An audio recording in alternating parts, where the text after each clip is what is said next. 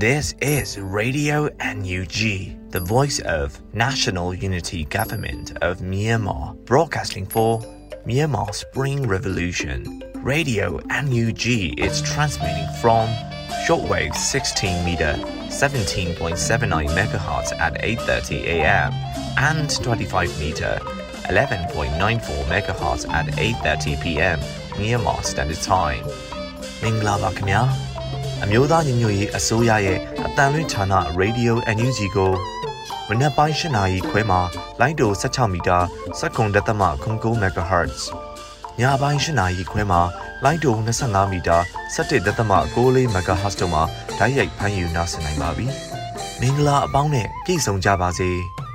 အခုချိန်ကစပြီး Radio NUG အစီအစဉ်တွေကိုဓာတ်ရိုက်အတန်မြင့်ပေးနေပါပြီ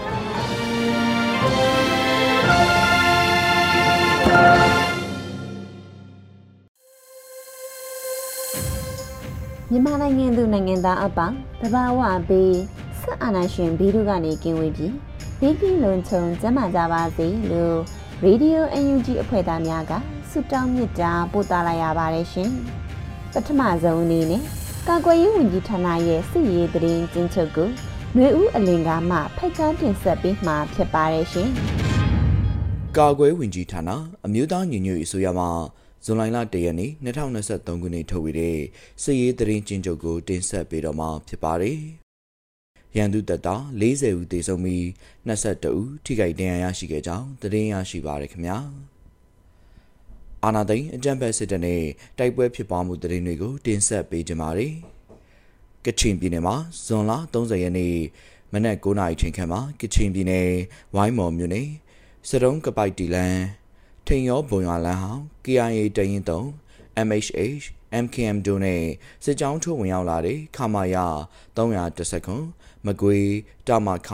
88မပါခခမာယာ384စားမောစကခ3မပါခမှာရန်သူစစ်ကောင်စီတများဟာတိုက်ပွဲပြင်းထန်စွာဖြစ်ပွားခဲ့ပြီးရန်သူဘက်မှထိခိုက်ကြဆုံးမှုများပြားခဲ့ကြောင်းသတင်းရရှိပါရခင်ဗျာကရင်ပြည်နယ်မှာ ဇွန်လ30ရက်နေ့ည10:04မိနစ်အချိန်ခန့်မှာကရင်ပြည်နယ်ကြိုင်းစိတ်ကြီးမြို့နယ်ဒဂွန်တိုင်းရွာရဲစခန်းရှိမိသက်ရုံအားတော်လိုင်းဖွဲ့များမှ drone နဲ့ပြစ်ခတ်တိုက်ခိုက်ခဲ့ကြောင်းသတင်းရရှိပါရခင်ဗျာ။စကိုင်းတိုင်းမှာဇွန်လ28ရက်နေ့မနက်9:30မိနစ်အချိန်စကိုင်းတိုင်းဖောင်းပြင်မြို့နယ်တော်ကန်းရွာသို့ဟုံးမလင်းမြို့နယ်မှာလှုပ်ရှားစစ်ကြောင်းနဲ့အမိန်ကြလာတဲ့ခလာယာ282လက်ဟေဒါကာစာကလေး SN ပူပေါင်းစစ်ကြောင်းတရားခန့်ဟာရဟရင်နှစီနဲ့ပြစ်ကူခဲ့ပြီးဝင်ရောက်ခဲ့ရာဟုံမလင်းဖောင်းပြင်းပြည်သူ့ကာကွယ်ပူပေါင်းစစ်ကြောင်းတို့နဲ့တိုက်ပွဲပြင်းထန်စွာဖြစ်ပွားခဲ့ပါတယ်။ရန်သူဘက်မှ၄ဦးမိုင်းထိ၍ပြင်းထန်စွာထိခိုက်ဒဏ်ရာရရှိခဲ့ပြီးနောက်ဖောင်းပြင်းပြည်သူစေုံမှာစိတ်ကူးတာမှုခံယူခဲ့ကြောင်းသတင်းရရှိပါရခင်ဗျာ။ဇွန်လ29ရက်နေ့ကသကိုင်းတိုင်းဖောင်းပြင်းမြို့နယ်ထော်ကန်းရွာအနီးခမာယာ309နာမခကတာမှာ ရန်သူစကားစာတက်စုတစုစစ်ကူရောက်ရှိခဲ့ပြီးနေ့လေတနာရီ40အချိန်မှာလေရင်နှစီးနဲ့ဘုံကျဲတိုက်ခိုက်ခဲ့ပါတယ်။ရန်သူစစ်ကောင်စီတပ်သားများဟာရှေ့ဆက်တိုးလာတဲ့အတွက်ကြောင့်ဟုံမလင်းဖောင်းပြီးပြည်သူ့ကာကွယ်တပ်ဖွဲ့များကစစ်ကြောင်း၅ကြောင်းနဲ့ဖြန့်ကျက်တိုက်ခိုက်ခဲ့ပြီးတိုက်ပွဲပြင်းထန်စွာဖြစ်ပွားခဲ့ပါတယ်။ရန်သူဘက်မှအထိနာတဲ့အတွက်ကြောင့် JF 17နဲ့ပေါင်900ပုံသီးနှလုံးကျဲချခဲ့ပါတယ်။ရန်သူဘက်မှအရာခံဖို့တူ တပ်သားတူ SND တပ်သားတူသေဆုံးခဲ့ပြီးအများပြားထိခိုက်ဒဏ်ရာရရှိခဲ့ကြောင်းသိရှိရပါတယ်။ဇွန်လ30ရက်နေ့မှာရန်သူတပ်သားများဟာဖောင်းပြင်မြို့သို့လက်နက်ကြီးပစ်ကူနဲ့ပြန်လည်ဆုတ်ခွာခဲ့ကြောင်းသတင်းရရှိပါရခင်ဗျာ။ဇွန်လ30ရက်နေ့မနက်9:15မိနစ်အချိန်ခန့်မှာသခိုင်းတိုင်းမော်လိုက်မြို့နယ်တောင်းအင်ရွာနီးခမာယာ365မော်လိုက်စကခ30ခမာယာ366မော်လိုက်စကဆ30 ရေပြူစောကြီး90ခန်းတက်ဆွဲထားတဲ့နေရာကိုအင်အား80နဲ့ဝင်ရောက်တိုက်ခိုက်ခဲ့ရာနနက်7:45မိနစ်အချိန်မှာရန်သူစခန်းကိုတင်ပိုက်နိုင်ခဲ့ပါတယ်။ရန်သူဘက်မှ3ပွင့်ဘိုတူအပါဝင်10ဦးခန့်တိတ်ဆုံးခဲ့ပြီးအများပြားထိခိုက်ဒဏ်ရာရရှိခဲ့ကြောင်းသိရှိရပါတယ်။တိုက်ပွဲမှာလက်နက်ခဲယမ်းအများအများတင်စီရရှိခဲ့ပြီးမိမိတို့ဘက်က9ဦးဒဏ်ရာရရှိခဲ့ပြီး၎င်းတို့ထဲမှာ2ဦးပြင်းထန်စွာဒဏ်ရာရရှိခဲ့ကြောင်းသိရှိရပါတယ်။ ကလေးမျိုးမှလာတဲ့ MI35 နဲ့မနက်၈နာရီချိန်ခန့်မှာည၈နာရီခွဲအချိန်ထိတစ်ကြိမ်မနက်7:00နာရီမှ7:00နာရီခွဲထိတစ်ကြိမ်နေ့လယ်7:50မိနစ်မှ2:20အထိတစ်ကြိမ်တတဦးမှလည်းနေ့လယ်12:10မိနစ်မှ12:15အထိတစ်ကြိမ်စုစုပေါင်း၄ချောင်းတိုက်ခိုက်မှု၄ကြိမ်ပြုလုပ်ခဲ့ကြောင်းသတင်းရရှိပါရခင်ဗျာ ဇွန်လ29ရက်နေ့မနက်10:30မိနစ်အချိန်မှညနေ6:10မိနစ်အချိန်ထိစကိုင်းတိုင်းကလေးမြို့နယ်တာစီရွာနီးမှာမြို့တော်မှလာတဲ့ရန်သူစစ်ကောင်စီတပ်သားပြူစောတိ80ခန့်ဝင်ရောက်လာရာကလေးခိုင်တရင်၄9 6 Veccord CNDF ကလေးမြို့နယ်ပကဖာကလေးမျိုးပြစီမံချက် UG အဖွဲ့တို့ကမိုင်းဆွဲတက်ခိုက်ခဲ့ပြီးထိတွေ့တိုက်ပွဲပြင်းထန်စွာဖြစ်ပွားခဲ့ပါတယ်။ ရန်သူတပ်သား20ကျော်ထိခိုက်ဒေဆုံးခဲ့ပြီးနောက်၎င်းတို့ကတာစီရွာရှိဘက်ရှိနေအိမ်၁၄လုံးကိုမိရှုဖျက်ဆီးခဲ့ကြောင်းသတင်းရရှိပါရခင်ဗျာ။ဇွန်လ29ရက်နေ့ည6:20မိနစ်အချိန်ခန့်မှာသကိုင်းတိုင်းကလေးမြို့နယ်ကလေးမြို့အဖွဲ့သစ်စုပေါင်းဂိတ်ကိုကလေးမြို့နယ်ပကဖဦးစီးနေမြေကန်ပကဖတို့ကလက်နက်ကြီးနဲ့ပစ်ခတ်တိုက်ခိုက်ခဲ့ရာရန်သူစစ်ကောင်စီတပ်သား73ဦးထိခိုက်ဒဏ်ရာရရှိခဲ့ပါတယ်။ကလေးမျိုးတာကာစာထောက်ပို့တပ်ထဲသို့ လက်နက်ကြီးများနဲ့ပစ်ခတ်ခဲ့ရာစီကံမီးလောင်ခဲ့ကြောင်းသတင်းရရှိပါရခင်ဗျာ။မန္တလေးတိုင်းမှာဇွန်လ30ရက်နေ့မနက်7:40မိနစ်အချိန်ခန့်ကမန္တလေးတိုင်းမတရားမြို့နယ်စေတော်ကြီးရွာမှာမြို့တင်ရွာဘက်သို့ဆင်းလာတယ်။ရန်သူစစ်ကောင်စီအင်အား40ကျော်ရှိစစ်ကြောင်းအားတဲပြူချောင်းရွာနဲ့မြို့တင်ရွာအကြားမိုးကြိုးပြောက်ကြားနဲ့ငကားညီနောင်ပူပေါင်းတပ်ဖွဲ့မှ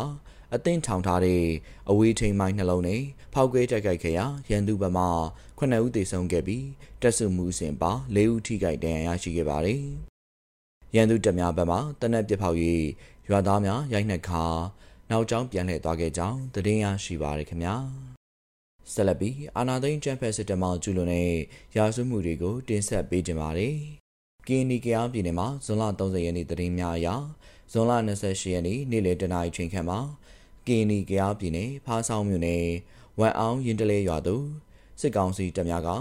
တိုက်ပွဲဖြစ်ပွားခြင်းမရှိဘဲလေရင်နဲ့ပုံကျဲကလက်နက်ကြီးများနဲ့ပစ်ခတ်ခဲ့တဲ့အတွက်ကြောင့်အသက်56နှစ်ရှိရွာသားတူသေဆုံးခဲ့ပြီးနေအိမ်ကိုလုံးပျက်စီးခဲ့ပါတယ်။ဒေသခံပြည်သူများဘေးကင်းရာဟုယူဆရတဲ့နေရာများသို့ထွက်ပြေးတိမ်းရှောင်နေရကြောင်းသတင်းရရှိပါရခင်ဗျာ။မွန်ပြည်နယ်မှာဇွန်လ30ရက်နေ့ညနေ6:20မိနစ်အချိန် မွန်ပြည်နယ်တံပြူစရဲမြို့နယ်အဘစ်လန်ပလင်ရွာနီငင်းချမ်းမြိုင်ကျောင်းကုန်းမှာရန်သူစစ်ကောင်စီတပ်များအမြောက်တပ်ဆင်ထားပြီးစုစုပေါင်းငါးလုံးခန့်ခလေရွာနဲ့ဒဂွန်တိုင်ရွာတို့အကြောင်းမဲ့ပြစ်ခတ်တိုက်ခိုက်ခဲ့ကြောင်းသတင်းရရှိပါရခင်ဗျာမန္တလေးတိုင်းမှာဇွန်လ30ရက်နေ့ရသတင်းများအရမန္တလေးတိုင်းငစုံမြို့နယ်ငစုံမြို့ရှိရန်သူစစ်ကောင်စီတပ်ဖွဲ့ဝင်များဟာစကိုင်းမြို့နယ်ဘက်မှပြည်သူနှူအား ဖမ်းဆီးခဲ့ကမြို့ဝင်ဆိုင်ပုတ်အနီးမှာတပ်ဖြတ်၍ဆွပစ်ခဲ့ကြောင်းသတင်းရရှိပါရခင်ဗျာရှမ်းပြည်နယ်မှာဇွန်လ30ရက်နေ့ကရှမ်းပြည်နယ်ဖေခုံမြို့နယ်မိုးပြဲမြို့စီကားတစ်ရက်ကွက်မှာစစ်ဘေးရှောင်နေတဲ့ဒေသခံလင်များနှုတ်ဟာ၎င်းတို့နေသို့ရိတ်ခါပြန်ယူရမှာအသက်63နှစ်အရွယ်အမျိုးသားဖြစ်သူကိုရန်သူစစ်ကောင်စီတပ်ကအကြောင်းမဲ့ပစ်တက်ခဲ့ကြောင်းသတင်းရရှိပါရခင်ဗျာ AR တိုင်းမှာဇွန်လ28ရက်နေ့ရက်စွဲနဲ့ AR တိုင်းအင်္ဂပူမြို့နယ်ညောင်ကျိုးလန်းနေမှာအစအဦးများအားရန်သူစစ်ကောင်စီလက်အောက်ခံလမ်းဦးစီးဌာနမှလမ်းနဲ့မလွတ်ကင်းယူဆိုရာဇွန်လ30ရက်နေ့နောက်ဆုံးထား၍ဖယ်ရှားပေးရနေအင်အားသုံးဖယ်ရှားမိဖြစ်ကြောင်းစာထုတ်၍ချင်းချောက်ထားကြောင်းသတင်းရရှိပါရခင်ဗျာယခုတင်ဆက်သွားတဲ့သတင်းတွေကိုမြေပြင်သတင်းတာဝန်ခံများနဲ့သတင်းဌာနတွေကဖော်ပြလာတဲ့အချက်လက်တွေပေါ်အခြေခံပြုစုထားခြင်းဖြစ်ပါတယ် ကျွန်တော်ကတော့ຫນွေဦးလင်ကပါ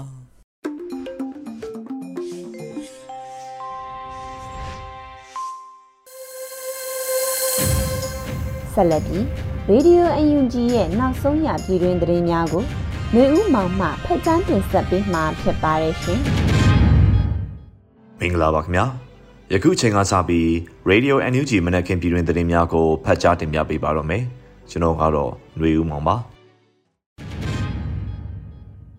အရှိတီမောနိုင်ငံရဲ့အစိုးရသစ်ကျန်းသစ္စာကျိန်ဆိုပွဲသမနာဟိုဆေးရမို့စ်ဟော်တာဖိတ်ကြား၍ NUG နိုင်ငံသားရေးဝန်ကြီးဒေါ်စင်မအောင်မှတရားဝင်တက်ရောက်ခဲ့တဲ့တဲ့တင်ကိုတင်ဆက်ပေးပါမယ်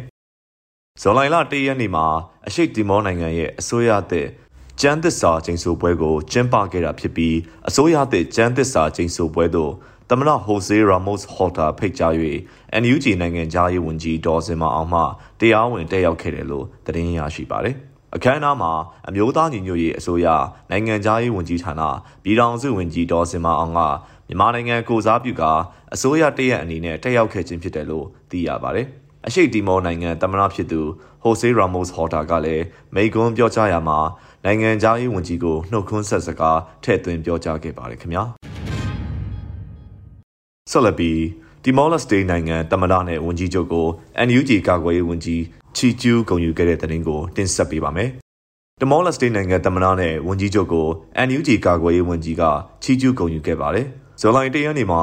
NUG ကာကွယ်ရေးဝန်ကြီးဦးရီမွန်ကလူမှုကွန်ရက်မှာရေးသားဆိုပါတယ်။ J Ramos Horta နဲ့ Monbot Zanana တော်လိုင်းရေးသမားဘဝမှာလည်းသူတို့နှစ်ယောက်အတူတူ အခုတယောက်ကသမနာတယောက်ကဝန်ကြီးချုပ်သူတို့နှစ်ယောက်ရဲ့တရားဝင်ဖိတ်ကြားချက်အရဒီကနေ့ကျင်းပတဲ့ Timor-Leste နိုင်ငံအစိုးရသစ်ကျန်းသစ္စာကျိတ်ဆိုပွဲကိုအမျိုးသားညီညွတ်ရေးအစိုးရနိုင်ငံသားရေးဝန်ကြီးဒေါ်စင်မအောင်မှတက်ရောက်ချီးမြှင့်ခဲ့ပါတယ်လို့ဆိုပါတယ်ဇွန်လတရက်နေ့အရှိတီမောနိုင်ငံရဲ့အစိုးရသစ်ကျန်းသစ္စာကျိန်ဆိုပွဲတမနာဟိုဆေရာမို့စ်ဟော်တာဖိတ်ကြား၍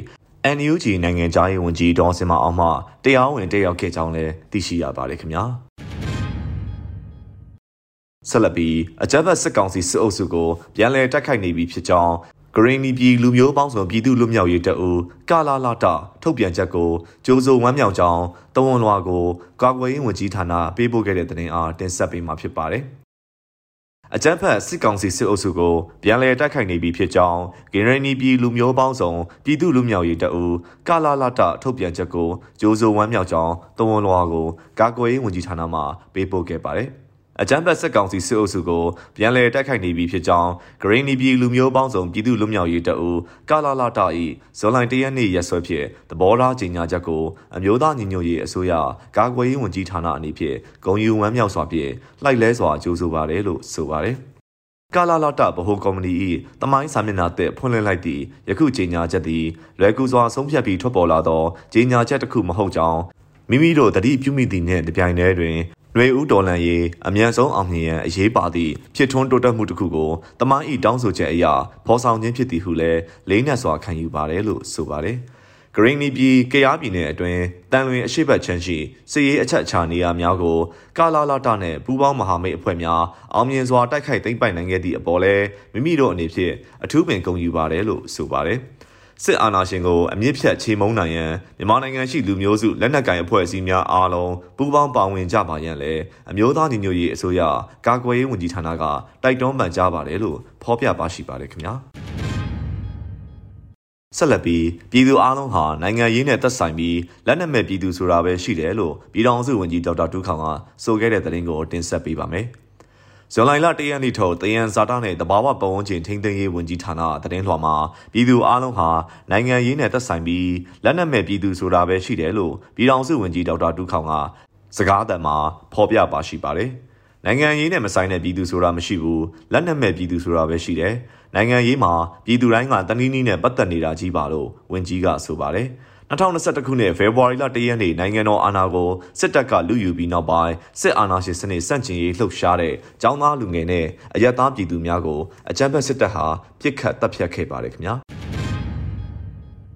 ဆက်လက်ပြီးကုလသမဂ္ဂလုံခြုံရေးကောင်စီဆုံးဖြတ်ချက်အဆို266ကိုနောက်ဆက်တွဲအရေးယူမှုကိုကုလသမဂ္ဂလုံခြုံရေးကောင်စီမှချမှတ်ရန်လိုအပ်နေတယ်လို့တာမန်ကြီးဦးကျော်မိုးထွန်းကပြောကြားခဲ့တဲ့တဲ့တင်ကိုတင်ဆက်ပေးပါမယ်။ ဇွန်လ30ရက်မှာကျင်းပတဲ့ကာကွယ်မှုပေးရန်တာဝန်ရှိမှု responsibility to protect နဲ့လူမျိုးတုံးတပ်ဖြတ်မှုစစ်ရာဇဝတ်မှုလူမျိုးစုအလိုက်တုတ်တင်ရှင်းလင်းမှုနဲ့လူသားမျိုးနွယ်စုအပေါ်ကျူးလွန်သည့်ပြစ်မှုများကာကွယ်တားဆီးရေးဆိုင်ရာကုလသမဂ္ဂအထွေထွေညီလာခံမျက်နှာစုံညီအစည်းအဝေး၌ကုလသမဂ္ဂလုံခြုံရေးကောင်စီဆုံးဖြတ်ချက်အဆို266ကိုနောက်ဆက်တွဲအရေးယူမှုကိုကုလသမဂ္ဂလုံခြုံရေးကောင်စီမှချမှတ်ရန်လိုအပ်နေတယ်လို့ကုလသမဂ္ဂဆိုင်ရာ မြန်မာအမြဲတမ်းကိုယ်စားလှယ်တမ်မတ်ကြီးဦးကျော်မိုးထွန်းကပြောပါတယ်မြန်မာပြည်သူများသည်လူသားမဆန်သည့်စစ်တပ်အုပ်ချုပ်မှုကိုအဆုံးသတ်၍တိုင်းရင်းသားအားလုံး၏ကိုပိုင်ဆုံးဖြတ်ပိုင်ခွင့်ကိုအာမခံသည့် Federal အုပ်ချုပ်မှုအောက်တွင်တရားဥပဒေစိုးမိုးရေးနှင့်ဒီမိုကရေစီစနစ်ပြန်လည်ထူထောင်၍လူအခွင့်အရေးကိုလေးစားသည့်နိုင်ငံကိုပြန်လည်တည်ဆောက်ရန်ဆုံးဖြတ်ထားကြောင်းတို့ရာတွင်နိုင်ငံတကာအတိုင်းဝိုင်း၏လုံလောက်မှုမရှိသည့်အရေးယူမှုဖြင့်စစ်တပ်သည်စိုးဝါးသည့်နိုင်ငံတကာပြစ်မှုများကို ပြစ်ဒဏ်ကြသင့်ခံရခြင်းမရှိဘဲဆက်လက်ကျူးလွန်နေကြောင်းကုလသမဂ္ဂလုံခြုံရေးကောင်စီဆုံးဖြတ်ချက်အဆို2669ချမှတ်ထားပြီးနောက်ပိုင်းပြီးခဲ့သည့်6လတာကာလအတွင်းစစ်တပ်သည်၎င်း၏တိုက်ခိုက်အကြမ်းဖက်မှုများကိုအရှိန်မြင့်တင်ခဲ့ကြောင်းရင်းဆုံးဖြတ်ချက်အဆို၏နောက်ဆက်တွဲအရေးယူမှုကိုကုလသမဂ္ဂလုံခြုံရေးကောင်စီမှချမှတ်ရန်လိုအပ်နေကြောင်းဆိုခဲ့ပါတယ်။ ဒါအပြင်လူသားမဆန်သည့်စစ်တပ်ကိုစစ်ရာဇဝတ်မှုနဲ့လူသားမျိုးနွယ်စုအပေါ်ကျူးလွန်သည့်ပြစ်မှုများပြည်သူများအပေါ်ဆက်လက်ကျူးလွန်ရန်အသုံးပြုသည့်လက်နက်နှင့်နည်းပညာများထောက်ပံ့ခြင်းမပြုရန်ပြည်သူများအပေါ်အကြမ်းဖက်မှုများကျူးလွန်ချင်းချမှုပြုနေသည့်စစ်တပ်အားငွေကြေးကူညီထောက်ပံ့မှုမပြုရန်စသည်တို့ကိုတန်အမတ်ကြီးကတောင်းဆိုခဲ့ပါတယ်ခင်ဗျာ။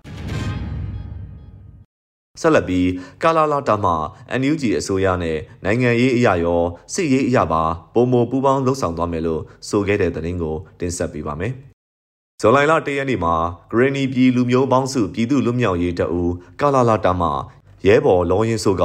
NUG အစိုးရနဲ့နိုင်ငံရေးအရာရောစစ်ရေးအရာပါပုံမပူးပေါင်းလှုပ်ဆောင်သွားမယ်လို့ Radio NUG ကိုပြောပါတယ်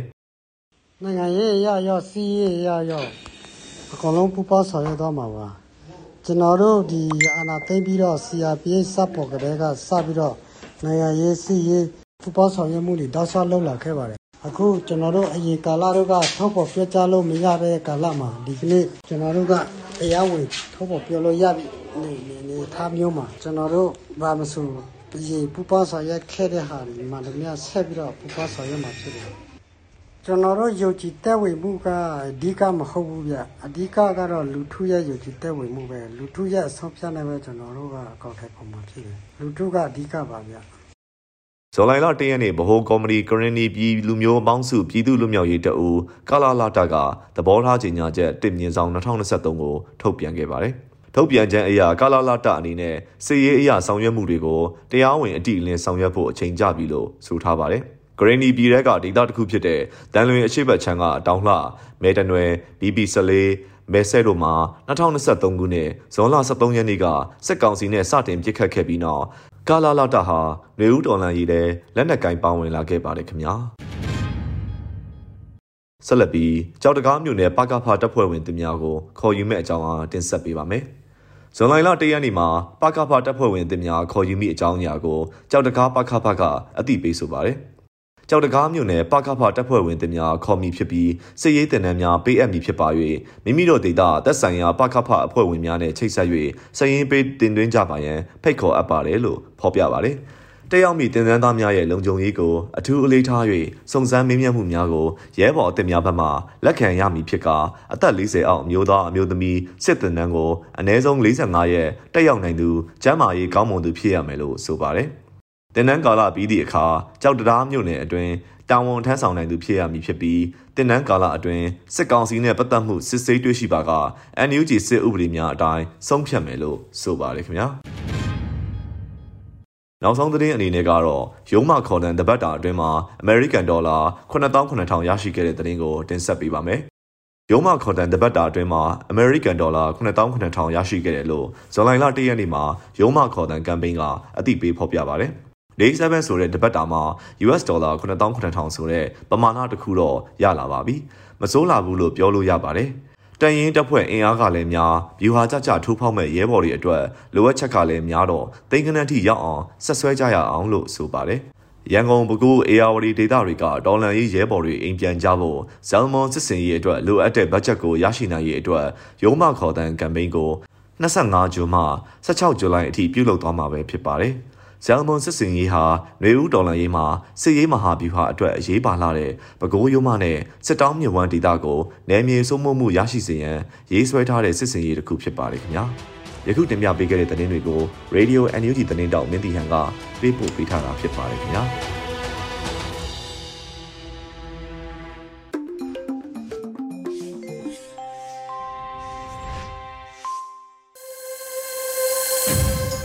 ရေဒီယို UNG သောတာရှင်များရှင်ယခုတဖန် PPTV ရဲ့နေ့စဉ်သတင်းများကိုထထအင်ဒရာအောင်မှတင်ဆက်ပေးမှာဖြစ်ပါတယ်ရှင်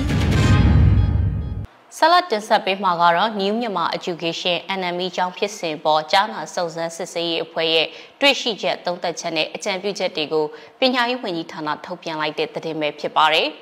New Myanmar Education NME ကျောင်းဖြစ်စဉ်ပေါ်ကြားနာစုံစမ်းစစ်ဆေးရေးအဖွဲ့ကတွဲဆုံမေးမြန်းခြင်း၁၇ကြိမ်ပြုလုပ်ခဲ့ပြီးတော့ရရှိလာတဲ့တွေ့ရှိချက်သုံးသက်ချက်နဲ့အကြံပြုချက်တွေကိုအမျိုးသားညီညွတ်ရေးအစိုးရပညာရေးဝန်ကြီးဌာနကဇွန်လ30ရက်စွဲနဲ့အသိပေးထုတ်ပြန်ကြေညာပါရယ်။ ကြားနာဆောင်စမ်းစစ်ဆေးရေးအဖွဲ့ရဲ့တွေ့ရှိချက်ထဲမှာတိုင်ကြားသူရုံးအဖွဲ့ကဦးကောင်းစုသွေးပါ3ဦးကျောင်းအုပ်ကြီးနဲ့ဆရာမတဦးတို့အားတာဝန်မှရက်စဲကြောင်းကျောင်းစီမံအုပ်ချုပ်ရေးအဖွဲ့မှကြေညာချက်ထုတ်ပြန်တဲ့ဖြစ်စဉ်မှာစစ်ဆေးမြင်းမြဲခြင်းနဲ့ထုချေခွင့်တို့မပေးတာတွေရှိတယ်လို့ဖော်ပြထားပါတယ်။ဒါအပြင်ကျောင်းရဲ့စီမံခန့်ခွဲရေးအဖွဲ့ဗန္နာရေးအဖွဲ့များရှိကြောင်းဆရာဆရာမအများစုနဲ့ကျောင်းသားကျောင်းသူများမသိရှိကြကြောင်းလည်းတွေ့ရှိရတဲ့ဆိုတာနဲ့ ကျောင်းရဲ့စီမံရေးအဖွဲ့ဗန္နာရေးအဖွဲ့မှာလည်းကျောင်းသားများမိဘများပါဝင်တာတွေ့တယ်လို့ဖော်ပြထားပါတယ်။ကျောင်းနာဆောင်ဆန်းစစ်ဆေးရေးအဖွဲ့ရဲ့သုံးသက်ချက်တွေထဲမှာကျောင်းကခေါ်တဲ့အစည်းအဝေးကိုတက်ရအောင်မှာမိဘမခေါ်ခဲ့တဲ့ဗီဒီယိုမဖွင့်တဲ့ကျောင်းသားကျောင်းသူတွေကို Telegram Channel ကထုတ်ပြခြင်းကလည်းငယ်ရွယ်နှုတ်နေတဲ့ကလေးတွေရဲ့စိတ်ပိုင်းဆိုင်ရာထိခိုက်မှုဖြစ်ပေါ်စေတာ ကျောင်းရည်ဗန္နာရေးစည်ရင်တွေကိုတိကျပွင့်လင်းမြင်သာမှုရှိစွာအထောက်အထားခိုင်လုံစွာဖြင့်ဆရာဆရာမများကျောင်းသားကျောင်းသူများမိဘအုပ်ထိန်းသူများကိုချပြခဲ့ခြင်းမရှိတာကျောင်းသားဆရာဆရာမများကျောင်းသူများအပေါ်ရိုင်းပြစွာဆက်ဆံတတ်သူဖြစ်တာရှိတယ်လို့ဖော်ပြထားပါတယ်။ကျောင်းတော်ဆောင်စမ်းစစ်ဆေးရေးအဖွဲ့ရဲ့အကြံပြုချက်တွေကတော့ကျောင်းရဲ့စီမံအုပ်ချုပ်ရေးအဖွဲ့ဗန်နာရေးအဖွဲ့တို့ကိုပညာရေးဝန်ကြီးဌာနကထုတ်ပြန်ထားတဲ့မူဝါဒလမ်းညွှန်ချက်တွေနဲ့ ထပ်မံညွှန်ကြားမဲ့လမ်းညွှန်ချက်တွေနဲ့အညီပြန်လည်ဖွဲ့စည်းပြီးတော့ဆက်လက်ဆောင်ရွက်တင်တယ်လို့ဖော်ပြထားပါတယ်။ဒါအပြင်လစဉ်လူငွေပြနေတဲ့ဗန္နာရေးဆိုင်ရာမူဝါဒကိုလည်းပြင်ဆင်တင်တယ်ဆိုတာနဲ့လစဉ်ငွေစင်းရေးရှင်းတန်းတွေကိုဆရာဆရာမများကျောင်းသားကျောင်းသူများနဲ့ကျောင်းသားမိဘတွေထံကိုပွင့်လင်းမြင်သာစွာထုတ်ပြန်ကြေညာပေးတဲ့ဆိုပြီးဖော်ပြထားပါတယ်။ကျညာချက်တွေအတိုင်းနှစ်ဦးနှစ်ဖက်လိုက်နာဆောင်ရွက်ရမယ်ဆိုတာနဲ့လိုက်နာခြင်းမရှိဘူးဆိုရင်ပညာရေးဝန်ကြီးဌာနက မူဝါဒလမ်းညွှန်ချက်များဥပဒေကြောင်းတို့အရဆက်လက်ဆောင်ရွက်သွားမှာဖြစ်တယ်လို့ထုတ်ပြန်ချက်မှာဖော်ပြထားပါတယ်။ထပ်ပြီးတင်ဆက်ပေးမှာကတော့ NUG Pay သုံးဆွဲသူတွေတက်နစ်စာ activation ကုတ်ဖို့ကင်းလွတ်ခွင့်ရတယ်ဆိုတဲ့သတင်းပဲဖြစ်ပါတယ်။အခုဇူလိုင်လ၁ရက်နေ့မှာ NUG Pay တစ်နှစ်ပြည့်မြောက်က 2022ခုနှစ်ဇူလိုင်လ1ရက်နေ့ကစပြီး2023ခုနှစ်ဇွန်လ30ရက်နေ့ထိတနစ်တာ activation code 9000ကျပ်ပေးချေအကောင့်ဖွင့်လှစ်ခဲ့တဲ့ Energy Pay သုံးဆွဲသူတွေပထမတစ်နှစ်ပြည့်တဲ့နေ့ကစပြီးတော့နောက်ထပ်တစ်နှစ်စာ activation code ဖို့ကိုပေးချေစရာမလိုပဲကင်းလွတ်ခွင့်ရရှိမယ်လို့စီမံကိန်းဗဏ္ဍာရေးနဲ့ရင်းနှီးမြှုပ်နှံမှုဝန်ကြီးဌာနကထုတ်ပြန်ပါတယ်။ 2023ခုနှစ်ဇူလိုင်လ1ရက်နေ့ကနေ2024ခုနှစ်ဇွန်လ30ရက်နေ့ထိ Activation Fees တစ်နှစ်စာကင်းလွတ်ခွင့်ပြုတယ်လို့သိရပါတယ်။တစ်နှစ်စာကင်းလွတ်ခွင့်ရရှိသူတွေအနေနဲ့ Activation Code ဖို့ပေးချီလို့ရင် CDN ဝန်ထမ်းတွေအတွက် Activation Code ပေးအပ်မယ့်အစီအစဉ်မှာလှူဒန်းနိုင်တယ်လို့ထုတ်ပြန်ချက်မှာဖော်ပြထားပါတယ်။ပြည်သူလူထုကြောင့်ပုံမှုကျေပြန့်စေဖို့တော်လှန်ရေးရဲ့ထောက်ပို့ကဏ္ဍမှာအကျိုးဖြစ်စေဖို့ရည်ရွယ်တယ်လို့လည်းသိရပါဗျ။ အမျိုးသားညီညွတ်ရေးအစိုးရအနေနဲ့အကြမ်းဖက်စစ်ကောင်စီရဲ့ထိန်းချုပ်မှုအောက်ကငွေကြေးစနစ်တွေပေါ်မိခိုနေရမှုကိုအဆုံးသတ်နိုင်ဖို့ပြည်သူတွေကြုံတွေ့နေရတဲ့လုံခြုံရေးစိန်ခေါ်မှုတွေဖြေရှင်းနိုင်ဖို့ဆရာနာရှင်စနစ်အမြင့်ဖြတ်ချေမှုန်းရေးအတွက်လွတ်လပ်ပြီးလုံခြုံစိတ်ချရတဲ့လက်လန်းမိနိုင်တဲ့ငွေကြေးလှည့်ပတ်မှုရန်နေရတစ်ခုကိုဖော်ဆောင်နိုင်ဖို့ကြိုးပမ်းဆောင်ရွက်ခဲ့တယ်လို့ဆိုပါတယ်။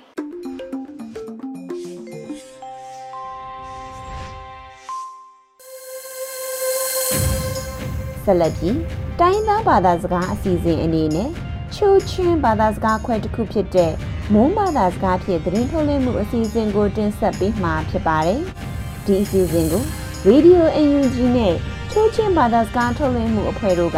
ပူးပေါင်းထုတ်လွှင့်ကြဖြစ်ပါတယ်ရှင်။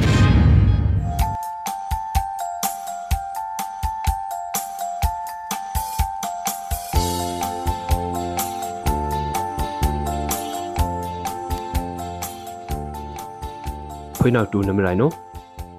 အတုငွေခုကုမ်ဖရမ်ကူလမ်ကူလိကထုမ်ဂျူလမ်ကြချာရင်ဟုမ်ထူရီမိငိုင်ဘခိုင်နီမင်တလမဒူပီယာအန်ဂရစ်စီနိုဆဟက်ရီယွန်ခုချောင်ရီခနဒူဒီနနေခေါ်ရီအလောင်းနာအန်ဂရစ်စီအော့ပီဂျာပီကွီနီအန်ဟီနာလီဂျူချိုကူလမကွေနင်းဒမ်တုံကာနာကူအန်ဂရစ်စီတန်ကာရှယ်ဟောက်စ်ပီဂျာ CTF မင်တနိုအပရင်နိုနာအော့ပီနီ angrisino khanyungon aka phua lukhi birong ka phungki kyong im tumala im duk thumtau adina opijia biro khu khyang ritung kana me prena kamau phi adu ngoi shingkano mingai khani apkhina li chu chin delhi he jia online kano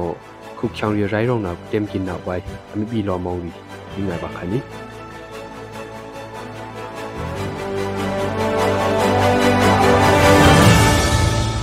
minta da matu bi mang ro khan ju nga angri suri no se ri yon khu khyang ya im ri kaw ne lu ne kho ri mi law na op ki jia prit kwi ni khu khyang van no anong shita mang ro khan yung le ju khu kum phram kulam kuli ot ebrang bi kha lokung kan no tu ne minta mang ro yung im ri kaw ne angri suri no abi na le ju thom si kya kini khu kum ri sho si minta mang ro akrong le ju im tung a phya ta dum tu ba ki angri suri tang kan no kaw ne kho ri amru na om hingi jia prit kwi ni kyangka omna ka amhunyunga imdung ruyung angri sino lunne ipkau naula amilaw na opgp minta mangro khokhyang ri tengkano prikwini jombu kya anhudang akrung minta hingya deng opya imdung arui lagung angri sino khori alaw na opgp prikwini chumanga gene madupi mangro akrung jumpi angri sino sen riyon khokhyang ri khori alaw pinna opgjiya madupi times no rungna opgini jombu khyam gulik shing hum madubi mangro long pan nung op kia imdung dumadung angri sui khyang sung rino ajunumya anila kya kijia aplina opkini nyama kho wanung leju angri sino khu khyang ri khana du de nane ajunumya jina athom si omgi gine angri sino ana aru brikona khugum thram kulam kulik thum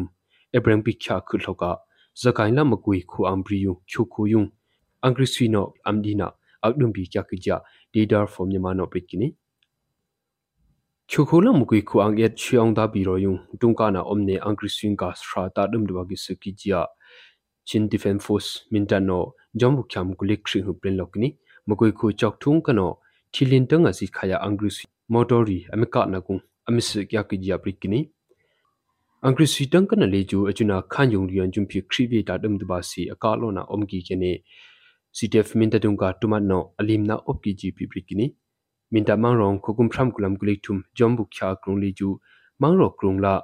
mangro khan yung jum phing tungka na omlo muya khala ya nik khun li jum phi se ko ra kam bum ri tung kano ami patu na ang hup si omlo kini CTF minta tung kan li ju atu be khokum phram kulam kulik thum jombu kya angri si tung na dum lu bi kha ja aprin na om muya khuk khyang ri no mangro krunga ngai ne ne me om ba thu kha ji phi ngami no prit kwini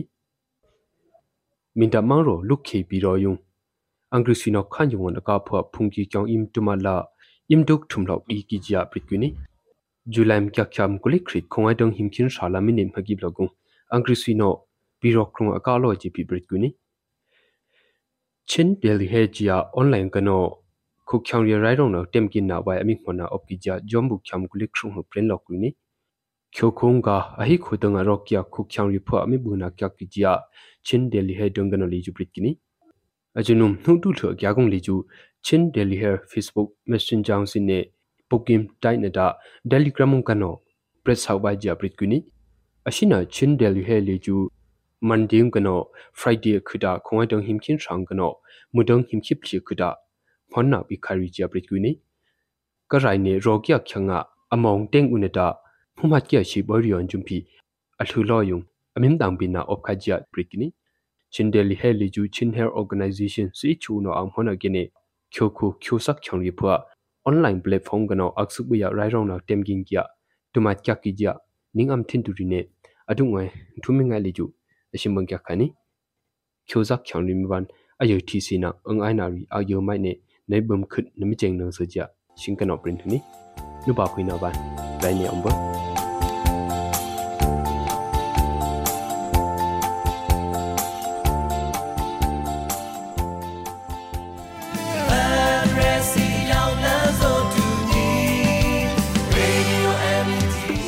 ကတော့ဒီညနေပဲ Radio NUG ရဲ့အစည်းအဝေးကိုခਿੱတရနာလိုက်ပါမယ်။မြန်မာစံတော်ချိန်မနက်၈နာရီခွဲနဲ့ည၈နာရီခွဲအချိန်တွေမှာပြန်လည်ဆုံးဖြတ်ကြပါစို့။ Radio NUG ကိုမနက်ပိုင်း၈နာရီခွဲမှာလိုင်းဒို16မီတာစက္ကန့်တသမ9 MHz ညပိုင်း၈နာရီခွဲမှာလိုင်းဒို25မီတာ17သမ6 MHz တို့မှာဓာတ်ရိုက်ဖမ်းယူနိုင်နိုင်ပါပြီ။မြန်မာနိုင်ငံသူနိုင်ငံသားများကိုစိတ်နှပြချမ်းမာချမ်းသာလို့ဘေးကင်းလုံခြုံကြပါစေလို့ Radio NUG အဖွဲ့သူအဖွဲ့သားများကဆုတောင်းလိုက်ရပါတယ်။အမျိုးသားညီညွတ်ရေးအစိုးရရဲ့စက်သွေးရေးတရင်အချက်အလက်နဲ့ဤပညာဝန်ကြီးဌာနကထုတ်လွှင့်နေတဲ့ Radio NUG ဖြစ်ပါတယ်။ San Francisco Bay Area အခြေစိုက်မြန်မာမိသားစုများနဲ့နိုင်ငံတကာကစေတနာရှင်များလှုပ်အားပေးများရဲ့ Radio NUG ဖြစ်ပါတယ်။အရေးတော်ပုံအောင်ရမည်